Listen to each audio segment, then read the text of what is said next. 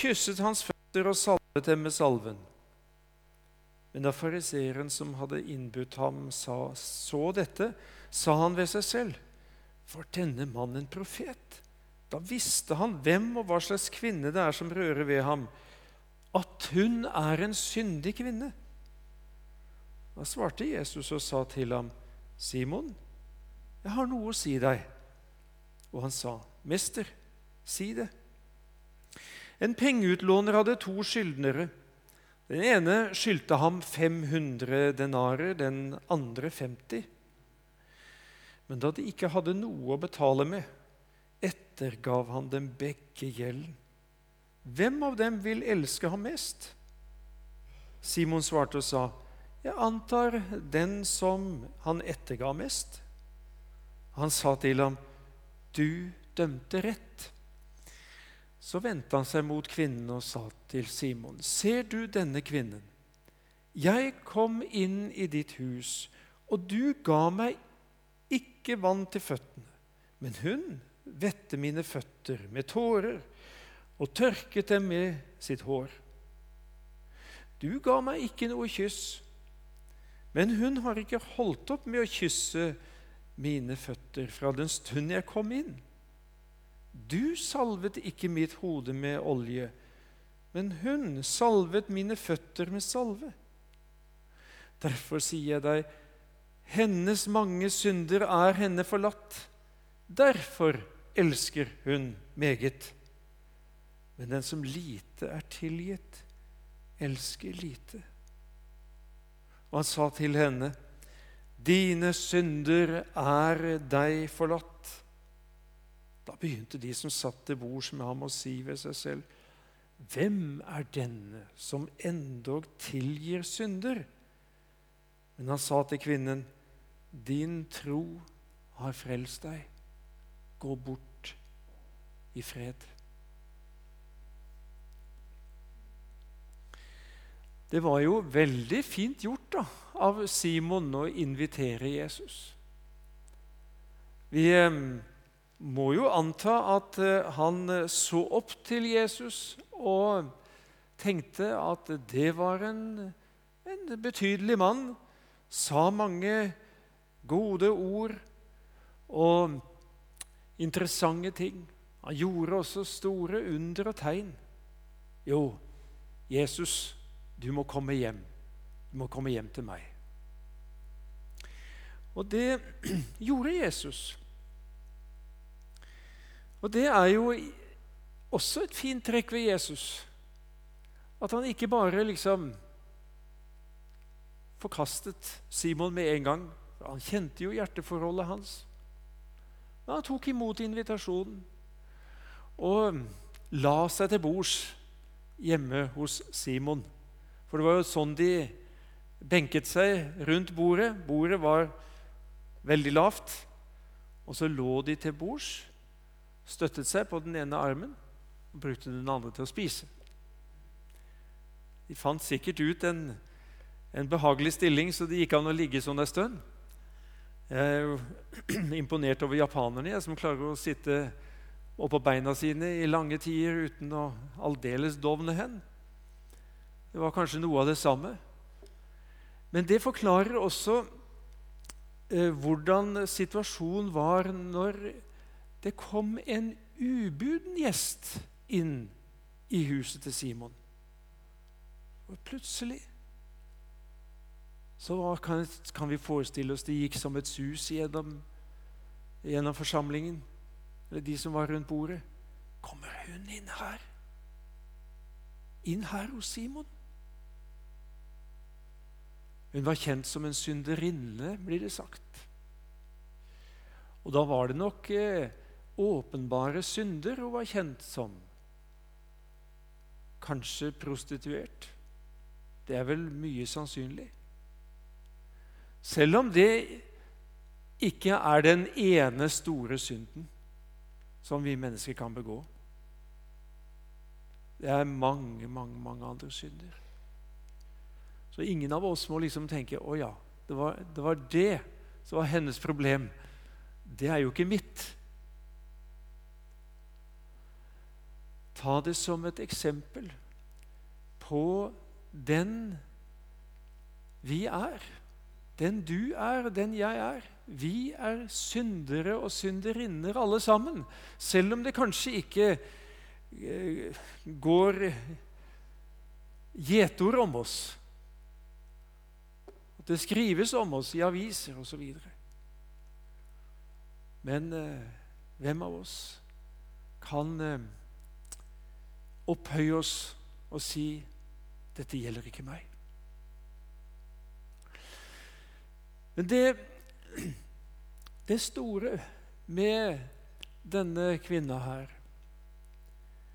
det var at eh, hun ville ikke fortsette å leve sånn som hun hadde levd. Og grunnen til at hun hadde kommet på bedre tanker, om vi skal si det på den måten, det var ikke Simon og fariseernes flotte forbilder, sånn som de prøvde å være. Det var ikke deres moralpreken. Det var ikke noe av det de sto for. Men hun måtte på et eller annet tidspunkt ha møtt Jesus. Sannsynligvis litt sånn på avstand. Hørt hans forkynnelse, sett hans kjærlighetsgjerninger. Og så hadde hun fattet håp. Hun visste nok inderlig godt, ut ifra Det gamle testamentet, at uh, det livet hun levde, det var i strid med Guds bud. Du skal ikke bryte ekteskapet. Du skal ikke begjære. For det står i Josva 24, f.eks.: En nidkjær Gud er han. Han vil ikke bære over med deres overtredelser og synder. Og I 5. Mosebok 24.: Enhver skal lide døden for sin egen synd. Alvorlige ord om syndens alvor. Kan godt tenkes at hun kjente til disse bibelversene her. Og at hun midt i det utsvevende livet hun levde, så kjente hun seg dømt. Det var eh, skammen ifra mennesker. Ja, det kunne hun jo på, til en viss grad prøve å, å, å verne seg mot ved å gjemme seg bort, drive virksomheten litt i det skjulte. Men det som nok hadde blitt det største problemet for henne, i det siste, det var at hun sto som en skyldig synder overfor Gud. Det er vårt problem i dag òg, det. Vår synd fører til skyld. Det er en dreining i folks erkjennelse i dag. Det er ikke så vanlig, heller ikke blant kristne, at vi opplever oss sjøl som skyldige overfor Gud. Nå våger jeg liksom å gi uttrykk for at jeg ser inn i, i folks hjerter. Det gjør jeg selvfølgelig ikke. Men jeg kan bare tenke litt ut ifra det jeg hører. Hva som er det liksom primære vitnesbyrdet, eller budskapet i vitnesbyrdet til folk som bekjenner kristentroen. Hva er det det går i? Er det det største som de kan få sagt om Jesus, dette er han er synderes venn. Han har betalt min skyld og gjeld overfor Gud. Jeg er frikjent for Gud.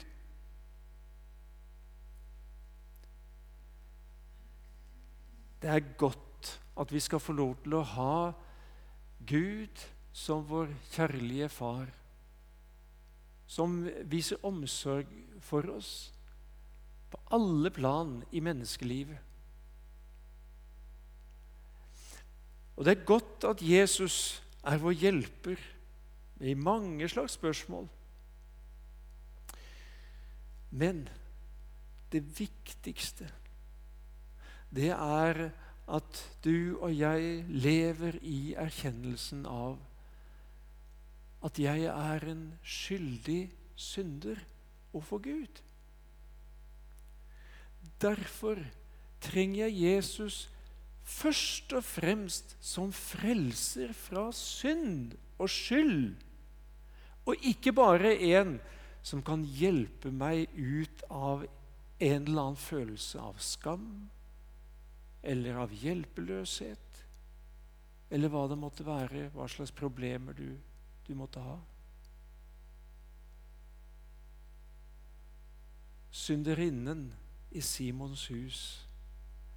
Hun hadde før hun kom inn der, hadde hun kommet dit hen at det største problemet hennes det var hvordan hun kunne finne en nådig Gud. Og da, da var all etikette, all skikk og bruk, alt spørsmål om hva som passet seg eller ikke, det var, det var blåst. Hun måtte komme inn til Jesus. Hun måtte få møte han, for hun hadde hørt noe om han og av han som gjorde at han hadde en skal vi kalle det, en magisk tiltrekningskraft på syndere. De holdt seg nær til Jesus. De måtte være der som han var. Fordi han var frelser. Redningsmann en som kunne berge dem ut, ikke først og fremst av den menneskelige nød, men av den evige nød.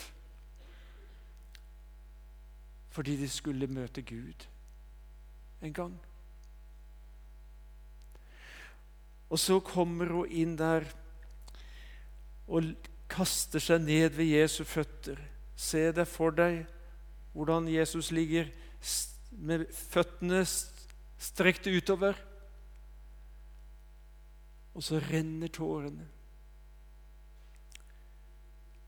Det er sikkert en blanding av angrens tårer over det livet hun hadde levd,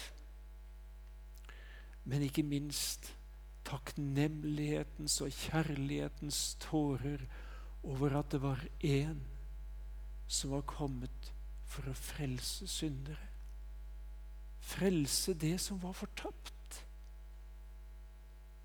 Der var hun.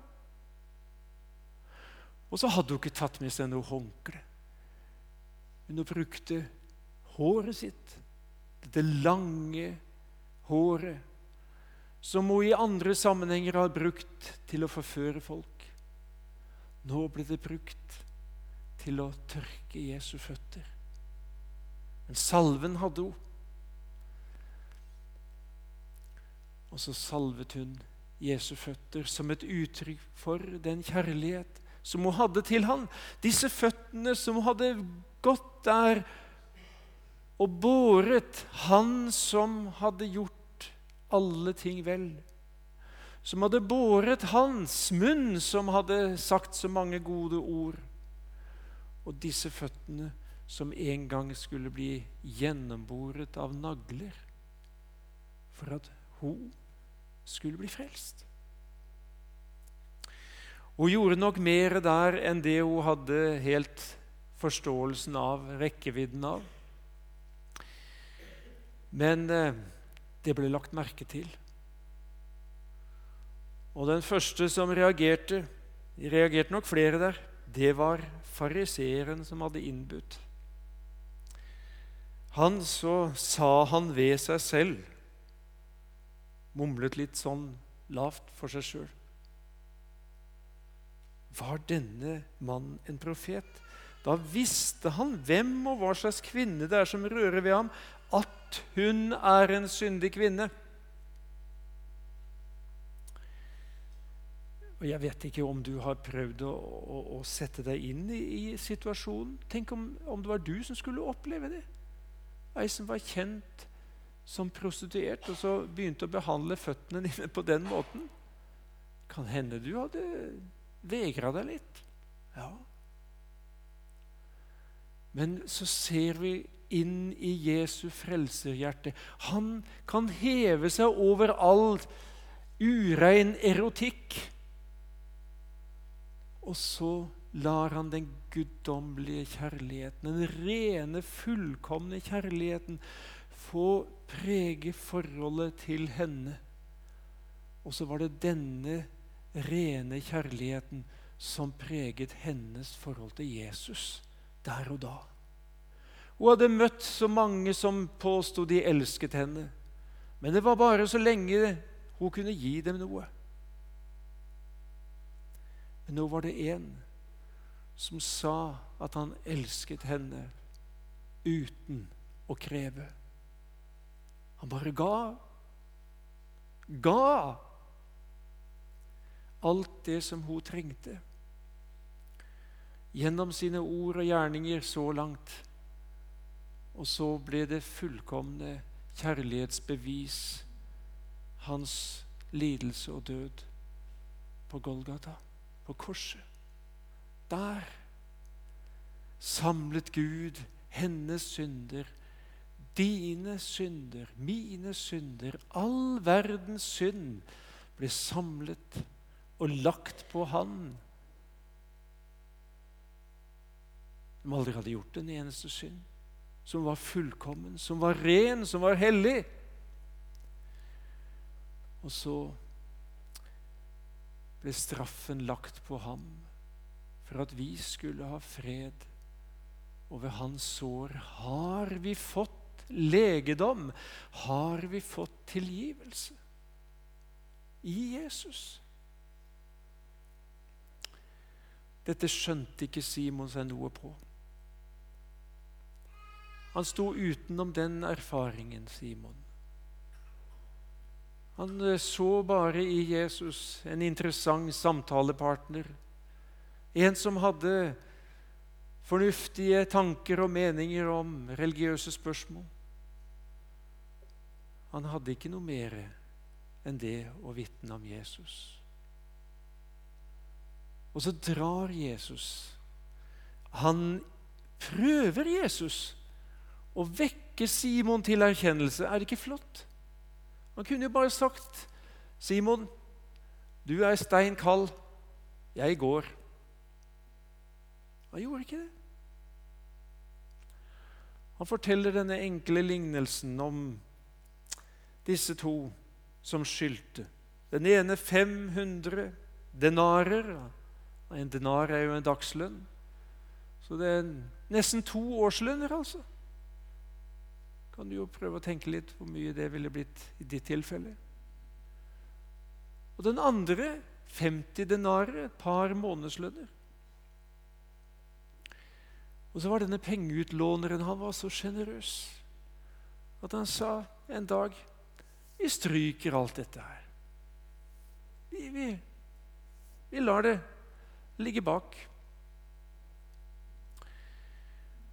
Vi kan få gå gjeldfrie begge to.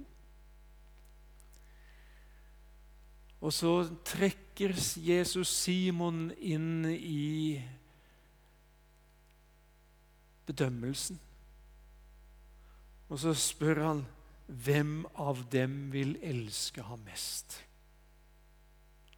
Sannsynligvis begynner Simon å ane litt hvem som er hvem her. Jeg vet ikke. Men i hvert fall så, så må han jo svare. Jeg antar den som han etterga mest. Så sa han til ham, du dømte rett. Men indirekte så dømte du deg sjøl. Og så regner Jesus opp den ene forsømmelsessynden etter den andre. som Simon altså hadde begått.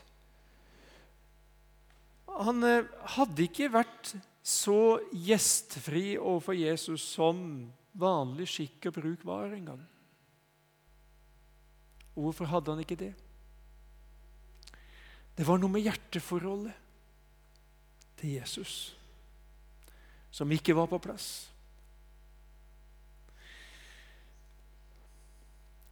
Vi har gjort mange synder, både du og jeg. Men det, det å ikke gjøre noe, det er også synd. Den som vet å gjøre noe godt, men ikke gjør det, han har synd av det. Står det i kapittel 4 i Jakobs brev. Du leste fra kapittel 5. Du ga meg ikke vann til føttene. Du ga meg ikke noe kyss. Du salvet ikke mitt hode. Men så tar han fram denne kvinnen som det gode eksempel. Ikke det liv hun hadde levd. Det var ikke noe godt eksempel til etterfølgelse. Men hennes nye forhold til Jesus, som helt klart ville få følge for det livet hun skulle leve videre, det var et eksempel til etterfølgelse. Hun vette mine føtter med tårer og tørket dem med sitt hår. Hun har ikke holdt opp med å kysse mine føtter fra den stund jeg kom inn. Hun salvet mine føtter med salve. Derfor sier jeg deg, hennes mange synder er henne forlatt. Derfor elsker hun meget, men den som lite er tilgitt, elsker lite. I første omgang så er dette et ord til Simon som en forklaring på hennes reaksjon, hennes handlemåte. Hun, hun måtte bare få gi uttrykk for sin kjærlighet til Jesus når hun skjønte at han elsket henne så høyt, at han hadde tilgitt alle hennes synder. Ikke bare noen, men all, all synd. Det er slik jeg har møtt Jesus. En som har tilgitt meg alle mine synder. Og noen ganger så har det blitt så uendelig stort for meg at også tårene har kommet. Det er ikke det som er eh, målet, sånn sett, men bare for å si litt om at jeg kjenner meg igjen i synderinnen i Simons hus. Og jeg har opplevd det å sette på nært hold hos andre. Jeg skal ta med et eksempel som, eh, som jeg, har eh, tatt med i Fjelltunglimt her fra før jul. Et intervju som jeg gjorde med en av studentene på Fjelltun. Vi eh, var på sånn praksisuke og var på Vestborg det meste av tiden. Og da er jo Noe av det flotte det er at disse ungdommene de får anledning til å prøve seg på forskjellige måter. Og hun Susanne, som eh, jeg har skrevet litt om her, hun eh, tilbød seg å ha morgenandakt. For eh, det var noe som vi skulle ta oss av der på Vestborg. Jeg syns det er flott. Det er så flott med noen som tilbyr seg. Eh, samtidig så, så, så ble dette her veldig vanskelig for henne. For hun visste ikke riktig hva hun skulle si. For hun hadde de siste ukene hatt det vanskelig. Hun hadde kommet til Fjelltun. Eh, og, og begynte å sammenligne seg med de andre og prøvde å bli mer sånn som de. Og, og for å liksom finne en eller annen anerkjennelse på at hun var en god kristen. Men hun hadde ikke lykkes med det. Og Gud tok henne inn i en prosess hvor hun eh, møtte seg sjøl. Men hun hadde ikke riktig fått, fått tro at hun var elsket og tilgitt av Gud, sånn som hun var. Og så skulle hun ha andakt. Det var ikke så lett. Så vi snakket sammen da om kvelden før hun skulle ha denne andakten. og prøvde å, å gi henne noen gode ord. Og så kom andakten, og det er noe av det sterkeste jeg har opplevd av det slaget, for å si det sånn. Hun klarte ikke å lese eh, fra Bibelen sjøl, for hun var så grepet og rørt. Så hun måtte få ei venninne med seg opp og leste. Hun leste teksten. Og eh, eh, det som sto sentralt i det hun leste, det var om eh, Jesus som gikk på vannet. Og så møtte han eh, disiplene. Og Peter han eh, var jo frimodig. Han begynte å gå på vannet, han også, på Jesu invitasjon. Men så plutselig så flyttet han blikket bort fra Jesus og så på stormen, uværet. Og så begynte han å synke. Og så var eh, budskapet til Susanne bl.a. dette at hun der og da, mens hun hadde andakten, så talte dette til henne så sterkt at hennes nei, Peters rop 'Herre, frels meg', det ble hennes rop. Og vi merka det. Vi ble berørt av det. Og vi skjønte her er det en som har bruk for Jesus, som frelser. Og så ble Peter berget. Jesus tok seg av Peter, og Susanne fikk et nytt møte med Jesus. Ja, det er flott. Det var ikke mange tørre øyne i den salen. Så det, det, det, det, er dette Jesus vil føre oss inn i.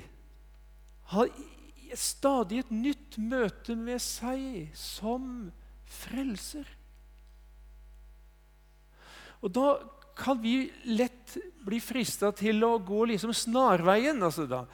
Da, vi vi, syns jo ikke det er så kjekt å bli konfrontert med kanskje konkrete synder i, i, vårt liv. Og så tenker vi nei, uff, jeg liker ikke det der. Er bare til å bli deprimert av. Ja, det, det er jo ikke noe hyggelig å bli konfrontert med den du er.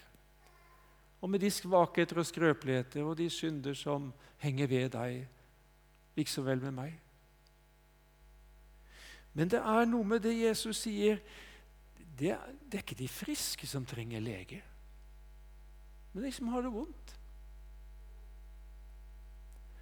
Så hvis du ønsker å få et nytt og bedre forhold til Jesus, så må du være forberedt på at han drar deg inn i en slik prosess. Hvor du får møte deg sjøl igjen. For at Jesus skal komme enda sterkere inn i ditt liv som frelser. Som redningsmann. For han er den samme som han var på, i Simons hus og på Genesaretsjøen.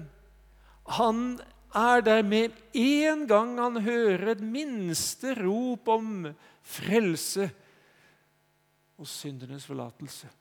Da er han der.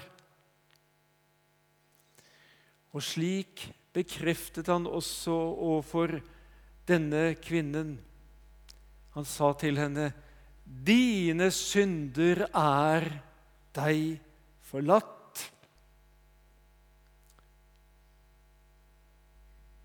Da fikk hun den bekreftelsen som hun fremfor alt trengte, og som førte til en, en varig forandring i livet hennes. Nå ble hun fylt av Kristi kjærlighet. For slik er det for hver den som tar imot Jesus. Da får vi Den hellige ånd, og med Han Guds kjærlighet utøst i våre hjerter.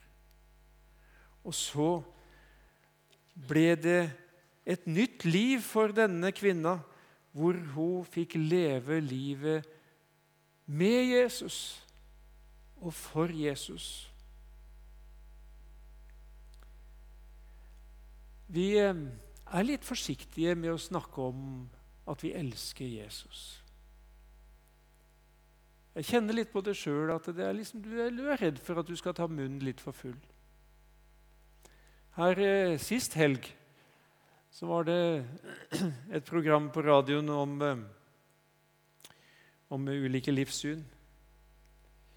Og så var det dette her med, med det forholdet som en kristen har til Jesus, sammenlignet med forholdet som en muslim har til Muhammed. Jeg hørte ikke hele programmet, men eh, det var visstnok ikke vanskelig å finne muslimer som ville si at de elsket Muhammed. Nei da. Nei, han elsker jeg høyere enn noen annen, var det en som sa. Selvfølgelig. Han som levde et så fint liv og er så godt et forbilde. Men underveis i samtalen så kom du inn på hvor var Muhammed nå? Jo, han var gravlagt i Medina. Og så fikk jeg ikke hørt programmet så lenge at jeg hørte noen som sa at de elsket Jesus. Men jeg håper det, at det er et uttrykk for ditt og mitt forhold til Han. For det har vi vel grunn til. Han som har frelst oss ifra våre synder, og som ikke har sin grav verken i Medina eller i Jerusalem, men som har stått opp fra de døde, og som har gitt oss evig liv, for at vi skal leve et nytt liv her på jord sammen med Han og med Han.